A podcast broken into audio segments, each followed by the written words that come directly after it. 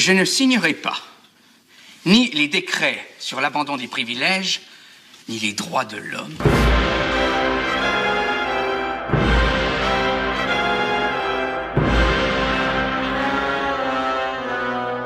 De Franse Revolutie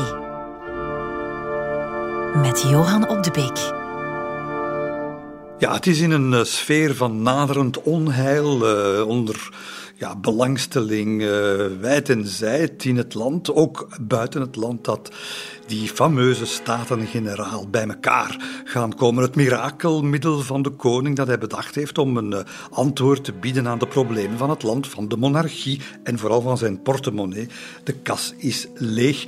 En dus die drie standen gaan, gaan het draagvlak moeten creëren voor ja, een hervormingje zo, waar dan de monarchie gewoon rustig kan verder blijven bestaan. En dat begint allemaal zoals dat al uh, eeuwen geleden is vastgelegd door de vorsten voordien. Uh, dat begint uh, die staten-generaal, want er gaan er ja, gewoon een pak volk bij elkaar komen. Dat is zo'n 1139 uh, verkozen leden uh, van de drie standen. En dan nog een paar duizend mensen die daar elke vergadering gaan bijwonen vanuit de galerij. Dus daar moet al een serieuze zaal voor voorzien worden. Dat uh, wordt de menu plezier vlakbij het kasteel van Versailles. Uiteraard Versailles, want de koning die moet niet te ver reizen natuurlijk om naar zijn onderdanen te komen luisteren. Om acht uur s morgens, 5 mei, begint dat ding. en hoe, ja, hoe, anders kan het in het ancien regime dan dat dat moet beginnen met een mis. Dat moet beginnen met een mis en dan een processie door de stad Versailles. Uh, we gaan natuurlijk niet uh, zien, die duizenden mensen die daar staan aan de kant van de weg, we gaan natuurlijk geen processie zien van drie standen die vrolijk door elkaar paraderen door die straten. Nee, nee, dat gebeurt volgens de piekorde volgens de maatschappelijke belangrijkheid. Hè. Wat betekent dat concreet? Wel, vooraan natuurlijk de geestelijkheid, kardinalen in het rood, groot ornaat. Uh, dan de aartsbisschoppen, de bisschoppen met koorhemden, soutanes, schoudermantels, vierkantige uh, bonnetjes, uh, kunnen zich voorstellen. ja, dan krijg je nog hier en daar wat lagere geestelijke zo, gewoon een soutanneken aan met een, met een bonnetje op hun hoofd. En dan in hun kielzog natuurlijk de, ja, de, de gepluimde, de vederbossen, hè, de, de adel die daar in het zwart gekleed, dat staat allemaal genotuleerd. Hè. Je doet niet aan wat je wil hè, op de Staten-Generaal. Die gaan in het zwart gekleed. Uh, zwarte mantel in zomerzijde natuurlijk, want dat is al warm. Met bijpassende vesten, witte kousen, kanten, kragen, hoeden met uitsluitend witte veren. En natuurlijk een pak eretekens van al die koninklijke orders waar ze allemaal deel van uitmaken. Dat moet geblonken hebben daar in Versailles. En dan helemaal van achter. De grootste groep, de groep die het volk vertegenwoordigt, hoewel met een tikkeltje zout natuurlijk, want dat is de, de, de gewone boerenmensen, ja, die, die, zitten, die ga je daar niet vinden, maar zowat de betere stand, de derde stand. En ook die volgens een protocol, zwart zijden habijten, zwarte steek, geen pluimen daarop. Ah nee, want je zou ze dan kunnen verwarren met de hogere stand, de eerste stand, zwarte kousen, zwarte mantel tot aan de knieën, zo bepaalt het protocol en dan nog wat mousseline links en rechts. En zo marcheren ze uh, naar, hun, uh, naar de Plaisir aan de Avenue de Paris.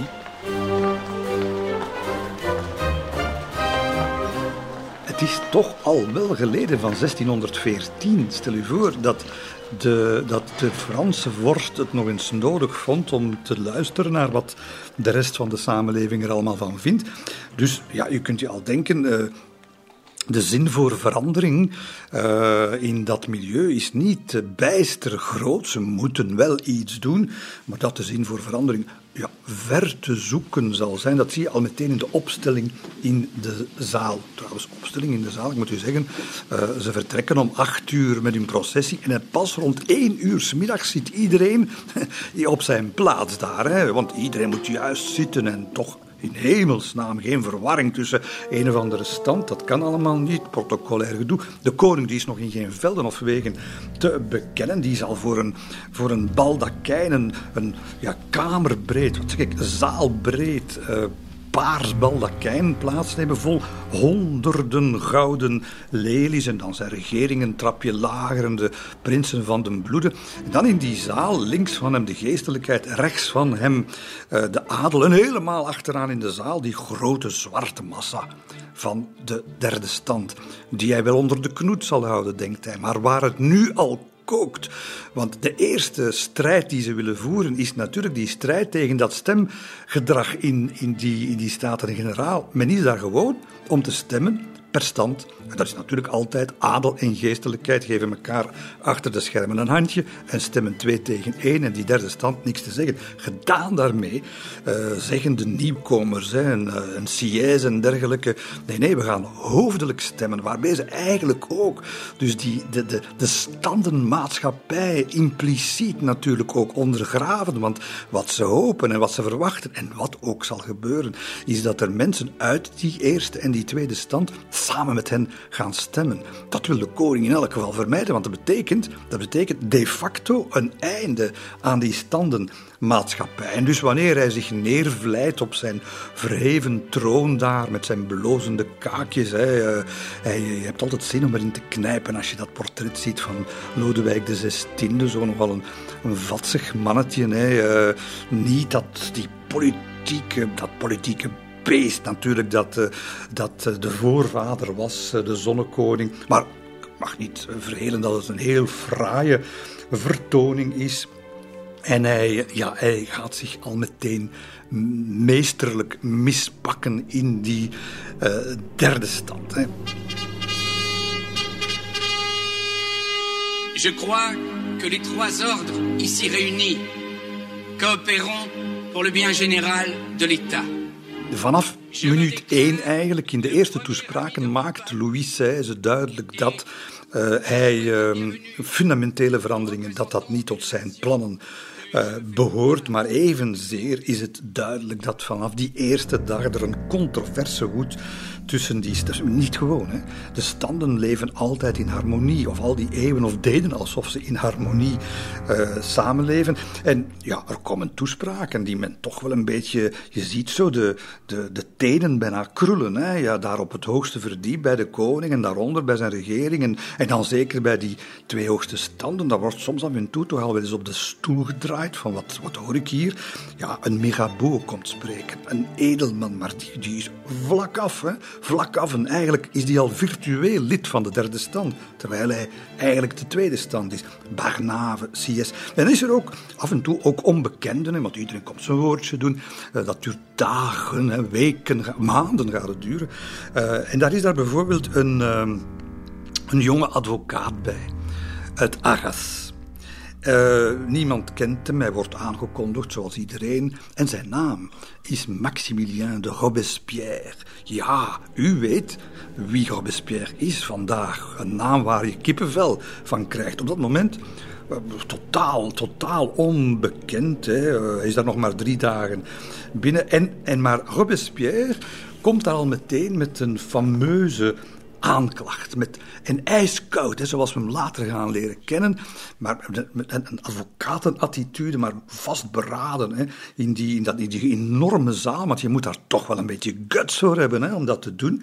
Komt hij daar met een pleidooi waar iedereen stil van wordt, want hij valt gewoon de geestelijkheid, de hoge geestelijkheid uh, aan. Hè. Uh, die, die hoge, die een paar bisschoppen en kardinalen hebben gezegd, oh, we moeten iets doen aan de financiën, uh, al die arme Ik heb u in de vorige aflevering al gezegd dat ze geweigerd hebben om op vraag van de koning geld te lenen aan de staat om de armen te helpen. Maar in de Staten-Generaal komen ze het omgekeerde zeggen. En Robespierre gaat dat niet laten liggen.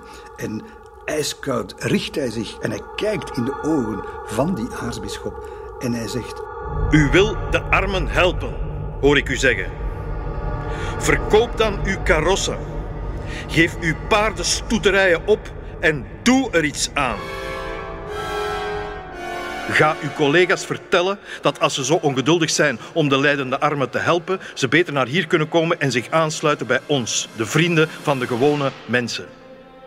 Zeg tegen hen dat ze ons werk niet langer in verlegenheid moeten brengen met moedwillige vertragingen. Vertel hun dat ze niet langer met onwaardige middelen moeten proberen om ons af te leiden van de resoluties die wij hebben genomen. Maar laten ze als dienaren van de religie, als waardige navolgers van hun kerkvaders, afzien van die luxe die hen omringt en al die pracht die de armoede nog schrijnender maakt. Ja, we horen uh, Robespierre voor het eerst, uh, onbekend, uh, ongevaarlijk. men zegt, iemand zegt in de zaal van, oh, die, die, die man heeft nog niet al te veel geoefend. Hè? Hij is nogal langdradig, hij weet niet wanneer hij moet stoppen. Maar hij is wel nogal wel bespraakt en hij is bitter. En dat zal hem doen uitblinken later, zegt zo'n commentator. Ja, meer dan uitblinken natuurlijk. Hè. Dat, dat gaat nog wat worden. Uh, maar wat hij zegt is natuurlijk zeer terecht. En we zien ook een ander kantje ook van die vermalendijde Robespierre, die binnen enkele jaren in die revolutie natuurlijk het toonbeeld zal worden van de, niet van de hervormende revolutie, niet van de revolutie van de vrijheid en de gelijkheid, maar van de bloeddorstigheid en de wraak. En, maar hier zien we, zien we hoe Robespierre eigenlijk echt was en eigenlijk echt dacht. Hij vertrekt in die revolutie als een heel sociaal voelend iemand, uh, iemand die geweldig gaat strijden voor bijvoorbeeld de persvrijheid, Terwijl wanneer hij de macht heeft, die persvrijheid hoogstpersoonlijk gaat de kop inslaan. Maar op dit moment is, is, is hij eigenlijk, hij hoort echt bij de drijvende krachten van de meer radicale vleugel van, van die, ja, die, die, die revolutionairen in de dop. En ja, aan de andere kant heb je dan die koning en zijn gezelschap, het hof en de regering. En die blinken uit, helemaal niet in welbespraaktheid, maar die blinken uit in besluiteloosheid. Terwijl je goed moet beseffen dat ondertussen uh, heel het land kijkt naar die Staten-Generaal. Er is honger in het land, er is armoede. En in, in steden, sommige steden, oproer, nu al.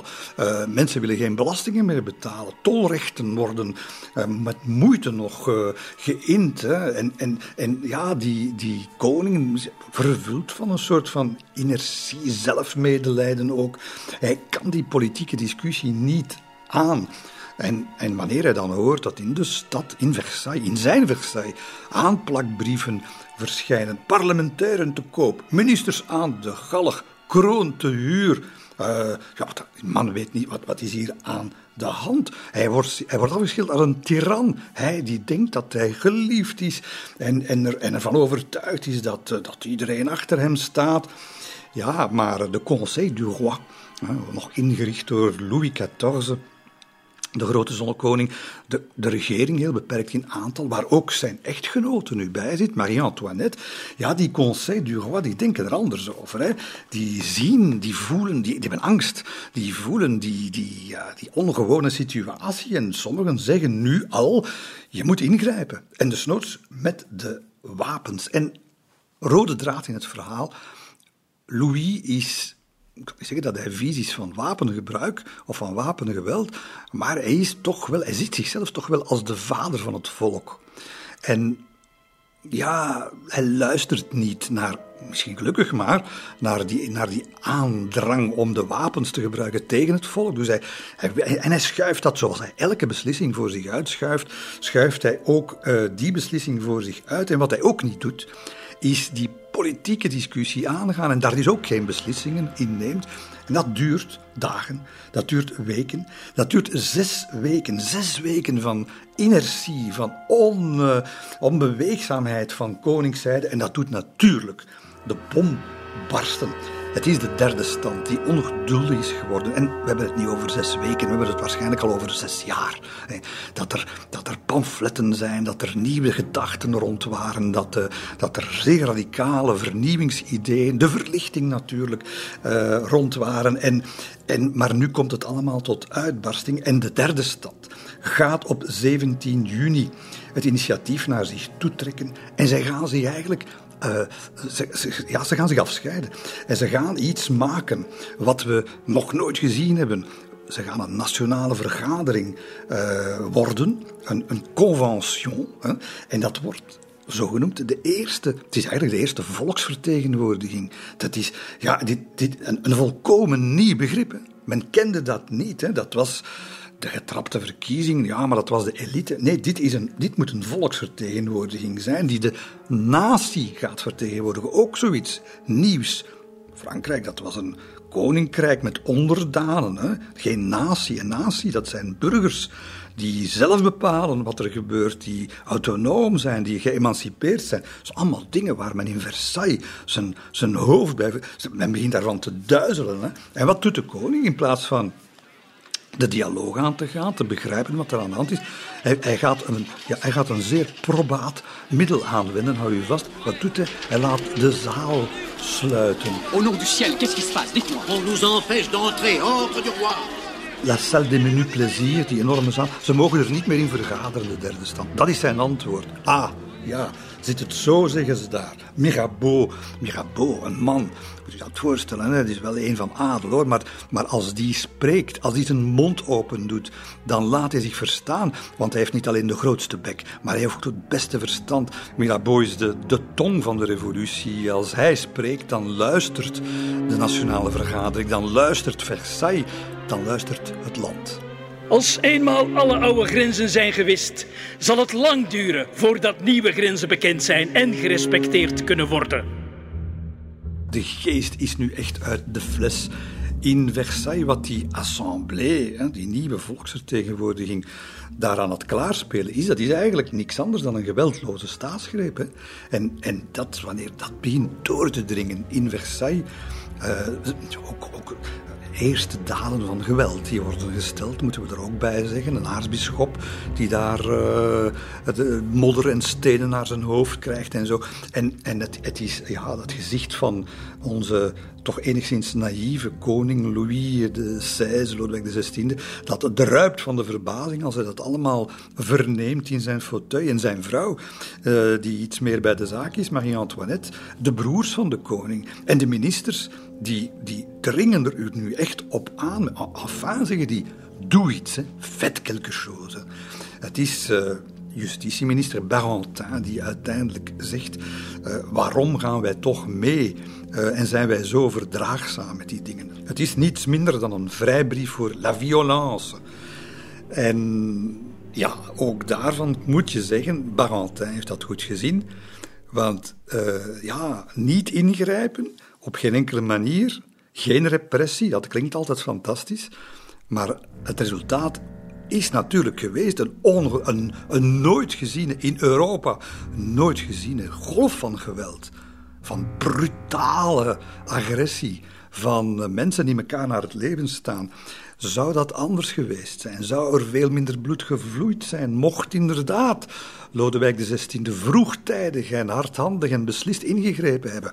We gaan het nooit weten. Wat we wel weten, is dat zijn beslissing om die, uh, die honderden volksvertegenwoordigers van de derde stand de toegang te ontzeggen tot die vergaderzaal, wel dat dat natuurlijk de zaken nog meer in een stroomversnelling gaat brengen. Ze kunnen niet meer uh, vergaderen, officieren staan daar met troepen, dreigen met arrestaties en dergelijke meer. Maar ja, bij die volksvertegenwoordigers, ze zijn vast beslist. En daar zitten daar ook een paar knapen tussen die uh, van de praktische zijde zijn hoor. Bijvoorbeeld een zekere uh, dokter Guillotin. Guillotin, die uh, praktisch denkt en die zegt, maar ik weet nog wel ergens een zaaltje waar we kunnen vergaderen dat groot genoeg is. Guillotin, de naam zegt het zelf, praktisch ingericht die man, dat verstand. Want dat is natuurlijk de bedenker, de dokter Guillotin van de guillotine. Nu bedenkt hij iets anders. Hij bedenkt dat ze even goed kunnen gaan vergaderen, los van Versailles, in Versailles, in de salle du jeu de paume, de kaatsbaan. Au jeu de paume Oui, il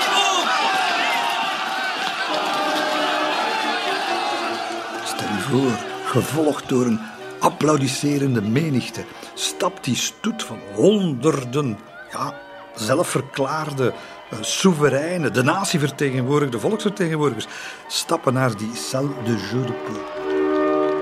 En die jeu de paume, de sportzaal, de laat-middeleeuwse sportzaal moeten we zeggen, waar de zonnekoning nog eh, de balsport heeft beoefend, dat wordt nu, dat wordt nu het toneel van iets heel bijzonders. Een tafereel dat op een meesterlijke manier uh, is geschilderd door David. Dat is natuurlijk de eet van de kaatsbaan, le serment du jeu de paume. Het is de Parijse uh, volksvertegenwoordiger Bailly, die later binnenkort de, de burgemeester ook gaat worden, die daar de beklijvende woorden gaat uitspreken Beste vrienden, wij zweren niet uit elkaar te gaan.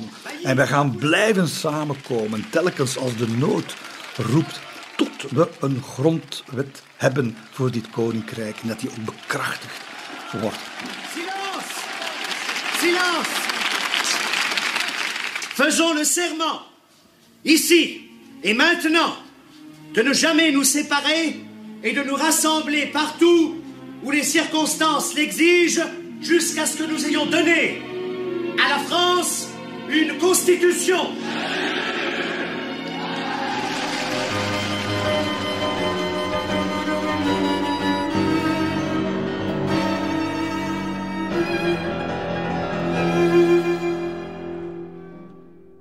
En ja, die zucht om daar een collectieve eet af te leggen. Nu, iedereen tussen was het daarmee eens, maar sociale druk maakt natuurlijk dat je niet meer durft terug te krabbelen op dat moment. En ze gaan dus zo wel, zo, vrijwel unaniem gaan ze daar in die kaatsbaan, eh, terwijl de geest van de zonnekoring daar nog ergens tegen de muren weer kaatst.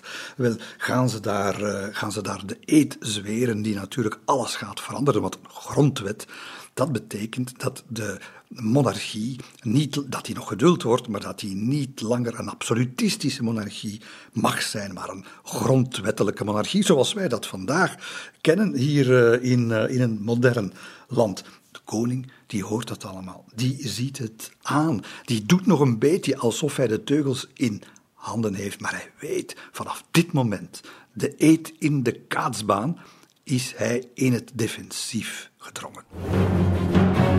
Het zijn achterhoedegevechten hè, die zich nu nog gaan afspelen. Uh, hij gaat uh, toch nog eens voor de drie standen verschijnen. Uh, en hij gaat er eigenlijk zeggen dat alles wat daar de afgelopen dagen gebeurd is, grondwet en zo, en dat gedoe van die, van die, uh, die derde stand die zo een beetje op zichzelf begint uh, te ageren, hij aanvaardt het niet, zegt hij.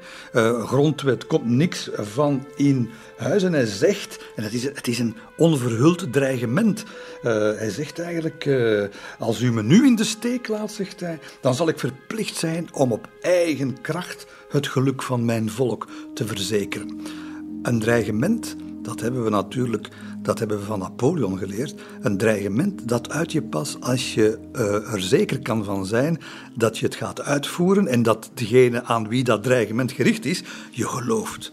Maar de derde stand gelooft Louis XVI natuurlijk van geen kanten meer. En hij verlaat de zaal hij verlaat de zaal, begeleid natuurlijk door de nodige fanfare, letterlijk, hè, trompetgeschal naar de koets enzovoort. Uh, de eerste stand, de tweede stand, braafjes in zijn kielzog, verlaten de zaal. Maar die immense zwarte massa, die zich nu de assemblée, de volksvertegenwoordiging noemt, blijft gewoon stil en onbewogen zitten. Ze luisteren niet meer naar het bevel van hun koning. En meteen soldaten in de zaal, officieren, die, ja, uh, ja kun je dat voorstellen? Dit is, dit, is, een, dit is een break-or-make moment natuurlijk. Uh, zij, de bajonetten eh, worden gericht, hè. Ze, ze stappen naar die, naar die honderden in het zwart geklede volksvertegenwoordigers. En dan stapt daar plotseling een man naar voren die, die iedereen zal doen wijken. Het is de marquise de Lafayette. Dat is de meest, na de koning, de meest beroemde, de meest geroemde en zeker de meest gerespecteerde figuur uit het land. Een man die gestreden heeft op zijn 19 jaar voor de Amerikaanse Republiek onder Washington. Dat is een, wat dat, ja, dat is een, een, een icoon. Hè. Je, groter kan je het niet bedenken, Lafayette. En Lafayette, die stapt naar die officieren toe, naar die soldaten toe. En ze stoppen. Ze stoppen, ze ja, ontzag, ze wijken terug. En alsof dat nog niet genoeg was, gaat ook Mirabeau naast hem plaatsnemen. Mirabeau, dat indrukwekkende verschijning, dat is meer charisma dan lichaam eigenlijk, die man. Die schaart zich aan de zijde van Lafayette en die heeft een tenorstem die hij gaat gebruiken. En hij roept door die zaal, terwijl daar honderden ja, soldaten, paar duizend toeschouwers en natuurlijk al die honderden volksvertegenwoordigers verbijsterd luisteren. Hij roept. Allez dire à ceux qui vous envoient que nous sommes ici par la volonté du peuple. Et nous n'en sortirons que par la force des baïonnettes.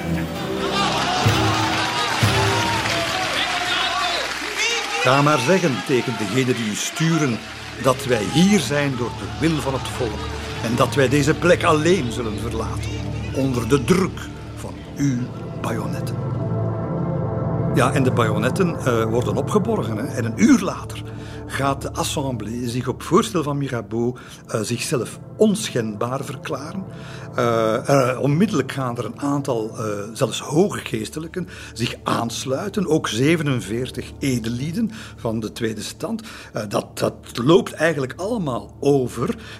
wat hoort men ondertussen ook in verschillende kazernes. Officieren hebben niks meer in de pap te brokken. Eén heeft zelfs een vuistlacht moeten incasseren van een soldaat. Dat zijn dingen die allemaal natuurlijk Louis gaan bereiken, de koning. En uh, ja, hij, zegt eigenlijk, als ze dan, als ze dan uh, absoluut niet weg willen uit die zaal, dat ze dan maar blijven. Ja, dat is zo'n uitspraak, zo gratuit als het maar kan. Hij voelt het, het lot is aan het aarzelen, het kantelmoment is bereikt. Misschien zijn we er al over. En hij gaat toegeven. Hij gaat twee dagen later de opdracht geven aan de eerste en de tweede stand om toe te treden tot de Assemblée en mee te werken aan een grondwet. Jawel, het is gedaan met de Staten-Generaal op enkele weken tijd. Het is plotseling een ander verhaal waar we in zitten. Kunnen we dat theaterwerk noemen van de koning? Ja, waarschijnlijk wel. Bedoeld om de schijn hoog te houden, wat tijd te kopen. Maar het is te laat, hè? Het gaat nu pijlsnel vooruit. En we belanden, voor je het weet, belanden we op een historische dag. 11 juli. 11 juli?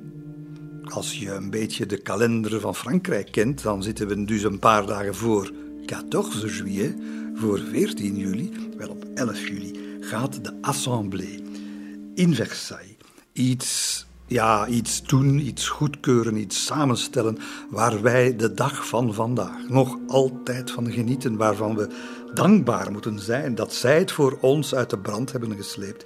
Het is Lafayette. Het is Lafayette die gaat uh, de eer hebben om uh, op te staan en iets voor te lezen wat de mensen gaat in, in, in, in volledige vervoering brengen. Het is la Déclaration des droits de l'homme et du citoyen, de verklaring van de rechten van de mens en van de burger. Je vous demande de vous lever, messieurs. En ik kan u verzekeren, iedereen in die zaal, die, die, ja, die duizenden mensen, en dan zeker diegenen die, dat gaan, die daar de eet gaan op zweren, die zijn zich verdraaid goed bewust dat ze op dat moment deelgenoot zijn aan een definiërend, historisch moment. Ces droits sont la liberté, la propriété, la sûreté et la résistance à l'oppression. Hier is eindelijk het moment bereikt waarop de verlichting, dat theoretische concept, dat dat eigenlijk culmineert in iets concreets, in een tekst die kracht van wet gaat hebben en die de preambule zal worden van de nieuwe grondwet die ze nog moeten, uh, moeten maken. Hè. Uh, dat, dat is het, het werk van Diderot en zo verder. Gaat nu eindelijk zijn beslag krijgen. La loi est l'expression de la volonté générale. Tous les citoyens étant égaux à ses yeux sont également admissibles à toute dignité, place et emploi public. Voor het eerst gaat gelijkheid van alle mensen een basisprincipe worden van onze samenleving. Een doorbraak. Een doorbraak die even verbluffend is als verrijkend was toen. Uh, voor Mirabeau, voor een Condorcet, uh, Brissot, Desmoulins is egalité, uh, de gelijkheid, dat is de sleutel tot alle mensenrechten. La libre communication des pensées et des opinions est un des droits les plus précieux de l'homme. Tout citoyen peut donc parler, écrire, imprimer librement, sauf à répondre de l'abus de cette liberté dans les cas déterminés par la loi.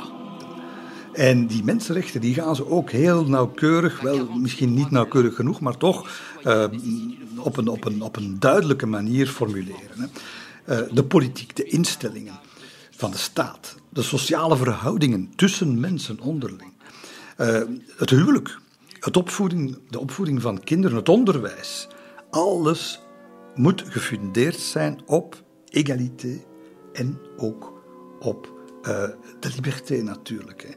Hè. daarom is natuurlijk die, die verovering en dat afdwingen van gelijkheid, zonder dat kon je al de rest niet doen.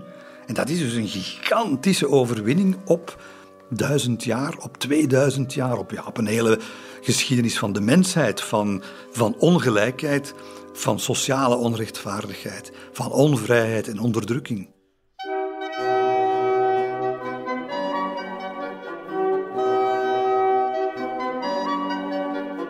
De Franse Revolutie met Johan op de Beek.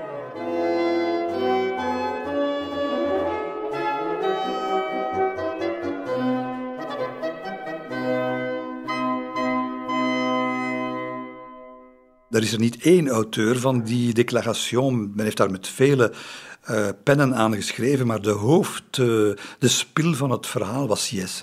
Abbé Sies is een geestelijke, zou eigenlijk tot de eerste stand moeten behoren, maar zegt dat is nonsens. Hè. Wij, moeten, wij, hebben maar één stand, dat is de volksvertegenwoordiging die de natie, de mensen vertegenwoordigt. En deze geestelijke gaat ook de eerste geschriften publiceren die dat allemaal uh, stellen en gaat ook de pen voeren van die uh, Déclaration universelle des droits de l'homme et du citoyen.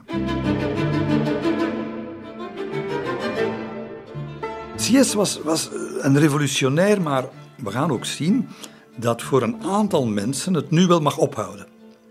Voor een aantal mensen gaat, uh, gaat, gaat het volstaan om een constitutionele monarchie in te richten die uh, ongetwijfeld grensverleggende declaration uh, te hebben. Maar, maar, nu is het wel voldoende. En CS is daar eigenlijk één van. CS gaat vanaf dit moment eigenlijk een beetje, en dat zal, hij zal het eh, allemaal overleven trouwens, uh, wat niet van iedereen kan gezegd worden in die tijd, maar hij, hij gaat vanaf dan het, degene zijn die modereert, die eigenlijk gematigd is, die die het, het risico ziet dat het volk, die dat allemaal nu gaat horen en vernemen, dat die veel te hoge spannen verwachtingen gaan hebben ten aanzien van iedereen gelijk en iedereen vrij.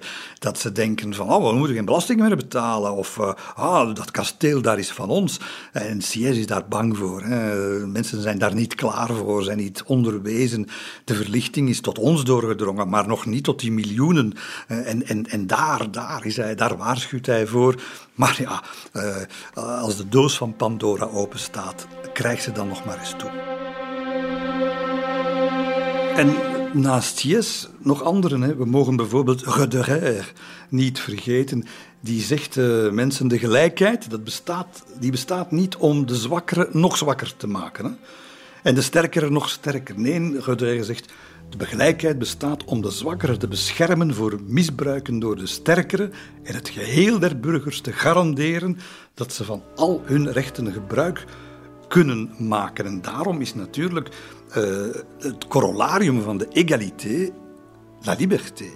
En ik noem specifiek C.S. en Roederer, omdat dat twee verlichte en ja, revolutionaire, maar, maar op de juiste manier uh, mensen zijn geweest die, wanneer de revolutie echt uit de hand gaat lopen, die uh, slim uit beeld gaan verdwijnen, daardoor het ook overleven.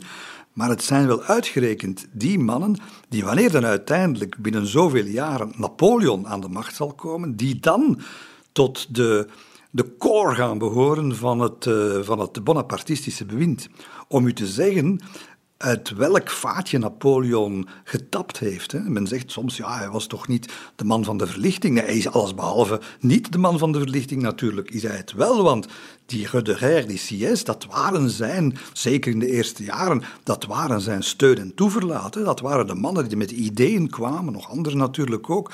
Maar hij, eh, Napoleon en, en, en zulke figuren, ja, dat waren eigenlijk de geesten die inzagen, de revolutie, uh, zeer veel goede dingen.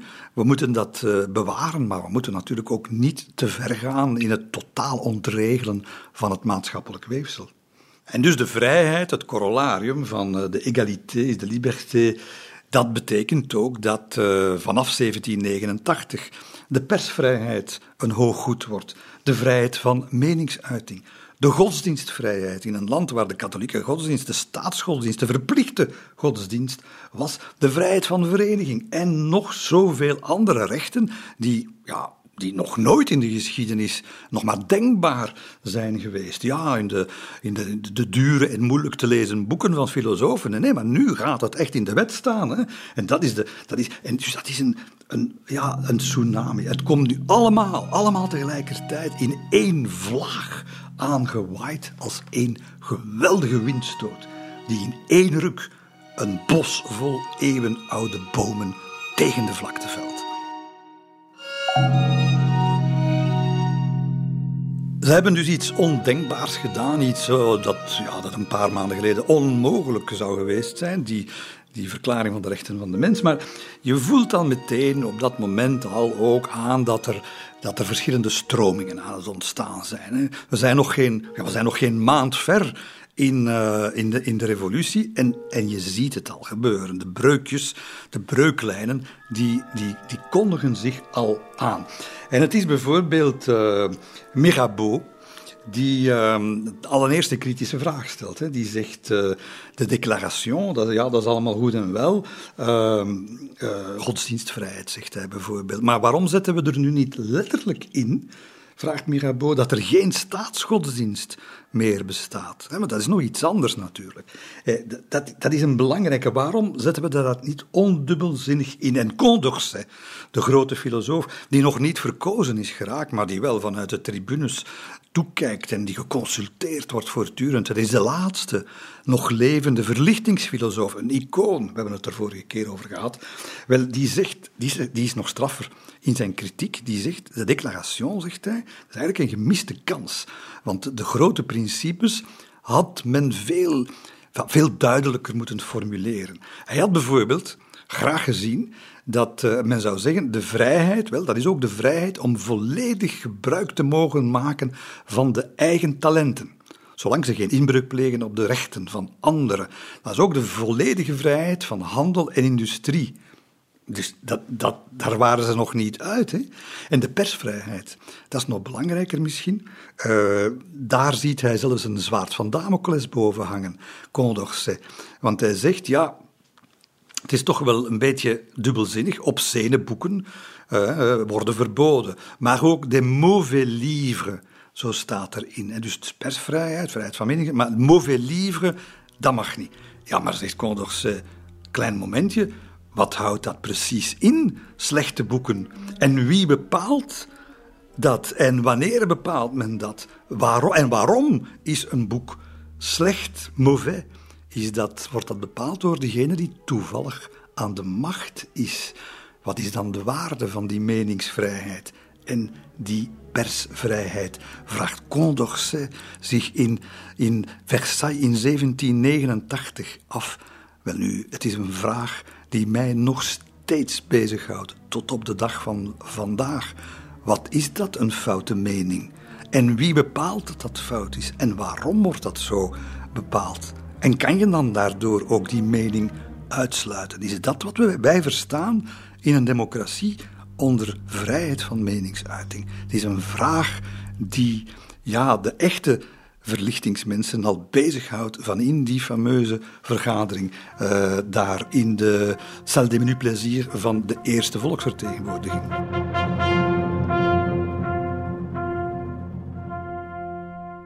En hij gaat nog verder, Condorcet. Ondubbelzinnig kan hij aantonen dat die tekst dat dat een compromistekst is. En dat dat een tekst is waar je nog veel kanten mee uit kan. Ja, is heel belangrijk, natuurlijk, grensverleggend. Maar vraagt hij zich af, wat betekent dat, de openbare orde? Wat betekent het algemeen nut en het algemeen belang? Want hij zegt in artikel 10, let op, let op, zegt hij, je hebt daar nog ter elfde uur, heeft daar nog iemand aan toegevoegd, persvrijheid, vrijheid van meningsuiting, voor zover het niet de openbare orde verstoort, zoals bepaald bij de wet. Hardop zegt hij daarover: dit is te vaag, mensen. Dit houdt zulke risico's in. Dit houdt namelijk het gevaar in. En hij ziet daar iets komen. Hij voorspelt daar iets wat we echt gaan meemaken in de revolutie. En niet alleen in de revolutie. Tot in onze maatschappij van vandaag. Namelijk dat onder het mom van, van zeer verheven principes dat er een nieuw despotisme ontstaat. Niet meer dat van de koning van het ancien regime, maar het despotisme van het juiste woord tussen aanhalingstekens de juiste gedachte. En wie daar niet aan meedoet, dat is de verkeerde. Die moet, die moet uit de maatschappij gestoten worden. Dat is een, uh, dat is een, ongewenst sujet. En de grote Condorcet, helemaal in de, in de echte traditie van de verlichting, die zegt: beste mensen, daar, daar moeten we iets aan doen. Daar is nog niet voldoende over nagedacht. Wel, uh, Robespierre zal later met het antwoord komen. En Condorcet zal het met zijn leven moeten bekopen.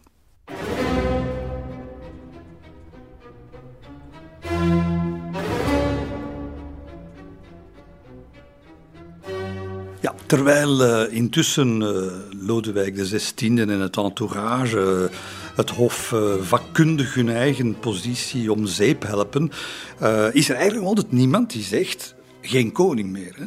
Er is niemand die het principe van de monarchie, en hoe, hoe konden ze ook, dat zat er zo ingebakken dat dat leek wel een natuurgegeven. En voor veel mensen was het ook een van God gegeven uh, opgave natuurlijk. Uh, dat er een monarchie moest zijn. Dat het kon niet anders. Ja, maar, maar aan de basis is het natuurlijk vertrokken. En die versplintering, uh, of die breuken beter gezegd, die je al een beetje ziet in die volksvertegenwoordiging, die gaan heel concreet worden. Hè. Die gaan zich nu in de straten van Parijs uh, concretiseren. En het, zullen, uh, ja, het zal een nieuw soort uh, revolutionair zijn dat je daar ziet opduiken. Het zijn journalisten. Het zijn journalisten en de, de meest opvallende, daarin is een naam als een klok natuurlijk, een man die we nog vaak gaan horen. Het is Jean-Paul Marat. Marat, een, een beetje onwelriekend personage, vies gekleed, en, uh, maar, maar wel met een, met een geweldige pen. En die Marat, dat is ja, dat is eigenlijk die, die nu, die zegt nu al. Ja, dat is wel goed wat ze daar bedacht hebben, daar, eh, die volksvertegenwoordiging. Maar eigenlijk, mensen, dat zijn allemaal bedriegers. Hè. Dat zijn allemaal bedriegers. Dat, zijn, dat is, een, dat is een, een misdadig project van een geprivilegeerde klasse. Zo noemt hij dat. Dus je zou denken van na duizend jaar middeleeuwen hebben we nu een Déclaration des droits de l'homme, we, gaan naar een grondwet toe, er is een volksvertegenwoordiging. Allee, dat is toch wel wat. En die Magat zegt nu al ja, maar nee, nee, nee. Dat, dat, dat, is één bende corruptie daar. Hè. Vergeet dat, hè. weg ermee. Dat is iets wat je natuurlijk. Dat wordt de rode draad. Dat wordt de echte rode draad van de, van de Franse revolutie. Hij, zegt, hij, hij, schrijft ook al letterlijk. En we zijn nog heel vroeg, hè, nog voor iemand dat durft zeggen. Hij schrijft letterlijk uh, uitschakelen. Hè. We, moeten, we moeten die uitschakelen. En hij begint taal te gebruiken die gevaarlijk is, die moreel ook zeer verwerpelijk is. Hij begint het onderscheid te maken tussen de goede revolutionairen en slechte revolutionairen. Dus niet tussen de revolutionairen en de aristocraten. Hè. Nee, nee.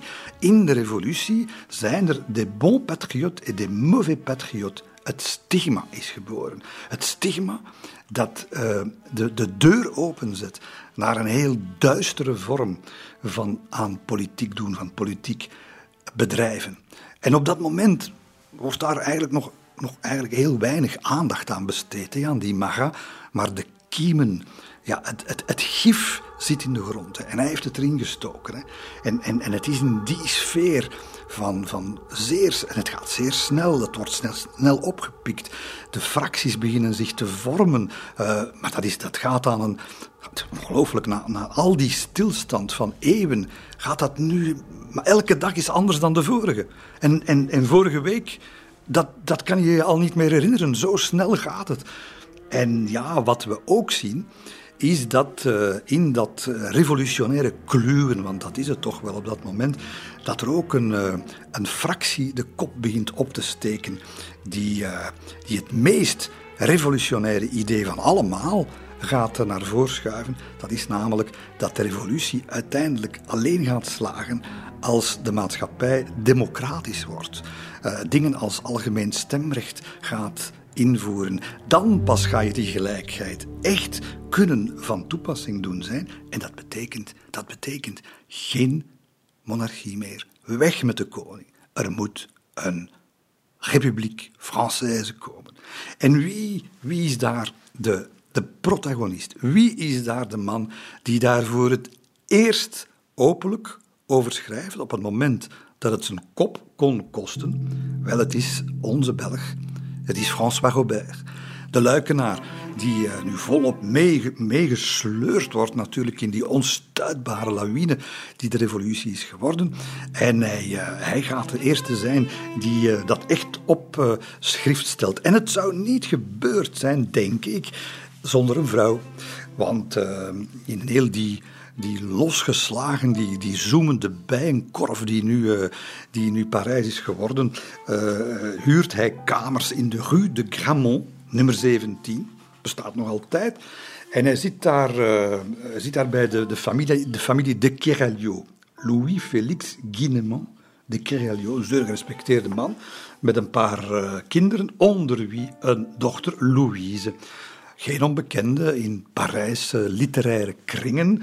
Uh, zij vertaalt, hè, al op haar zeventiende, is die met Engelse en Italiaanse literatuur, Grieks lezen, Latijn spreken, zeer geïnteresseerd in geschiedenis en heel politiek geëngageerd. Zij heeft alle verlichtingsfilosofen gelezen, ze heeft Tacitus gelezen, Plutarchus, en zij is daardoor, door die, door die mengelmoes van ideeën, zij is, net als François, is zij eigenlijk uh, helemaal uh, begeesterd door het project van een republikeins, een republikeins land.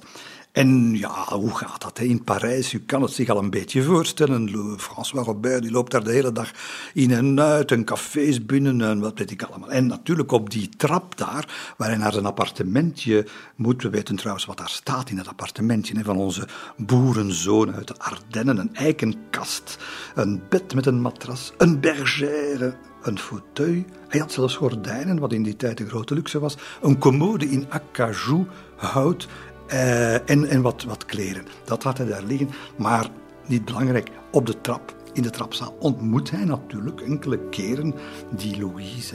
En zoals dat moet gaan, zij kijken elkaar in de ogen. Zij gaan naast elkaar plaatsnemen in het peluche van uh, de familie de Keralio. Zij gaan uh, ontdekken dat zij gelijkgestemde zielen zijn. Dat zij allebei die betere nieuwe wereld nastreven. Dat zij de republiek willen. En zij gaan ook vooral ontdekken dat ze elkaar willen. Het moet wat geweest zijn, verliefd worden op een moment dat de wereld in een van de meest meeslepende en gevaarlijke momenten uh, uit de geschiedenis is, beland ontdekken dat je daar dezelfde ziel eigenlijk hebt. Twee heel verschillende mensen. Hij zo nogal corpulent, een beer van een vent, 26 jaar. Zij fragiel, een uh, Parijse mademoiselle. Maar ze gaan samen, uh, zij is journaliste, ze gaan samen een krant uitgeven. Le Mercure Nationaal. Hij gaat erin schrijven, zij gaat erin schrijven. En in de Mercure Nationaal gaan zij, ze gaan een, een logo, ze gaan een slogan op de voorpagina van hun krant zetten, die de slogan gaat worden, jarenlang, van de Franse Revolutie. Vivre libre ou mourir.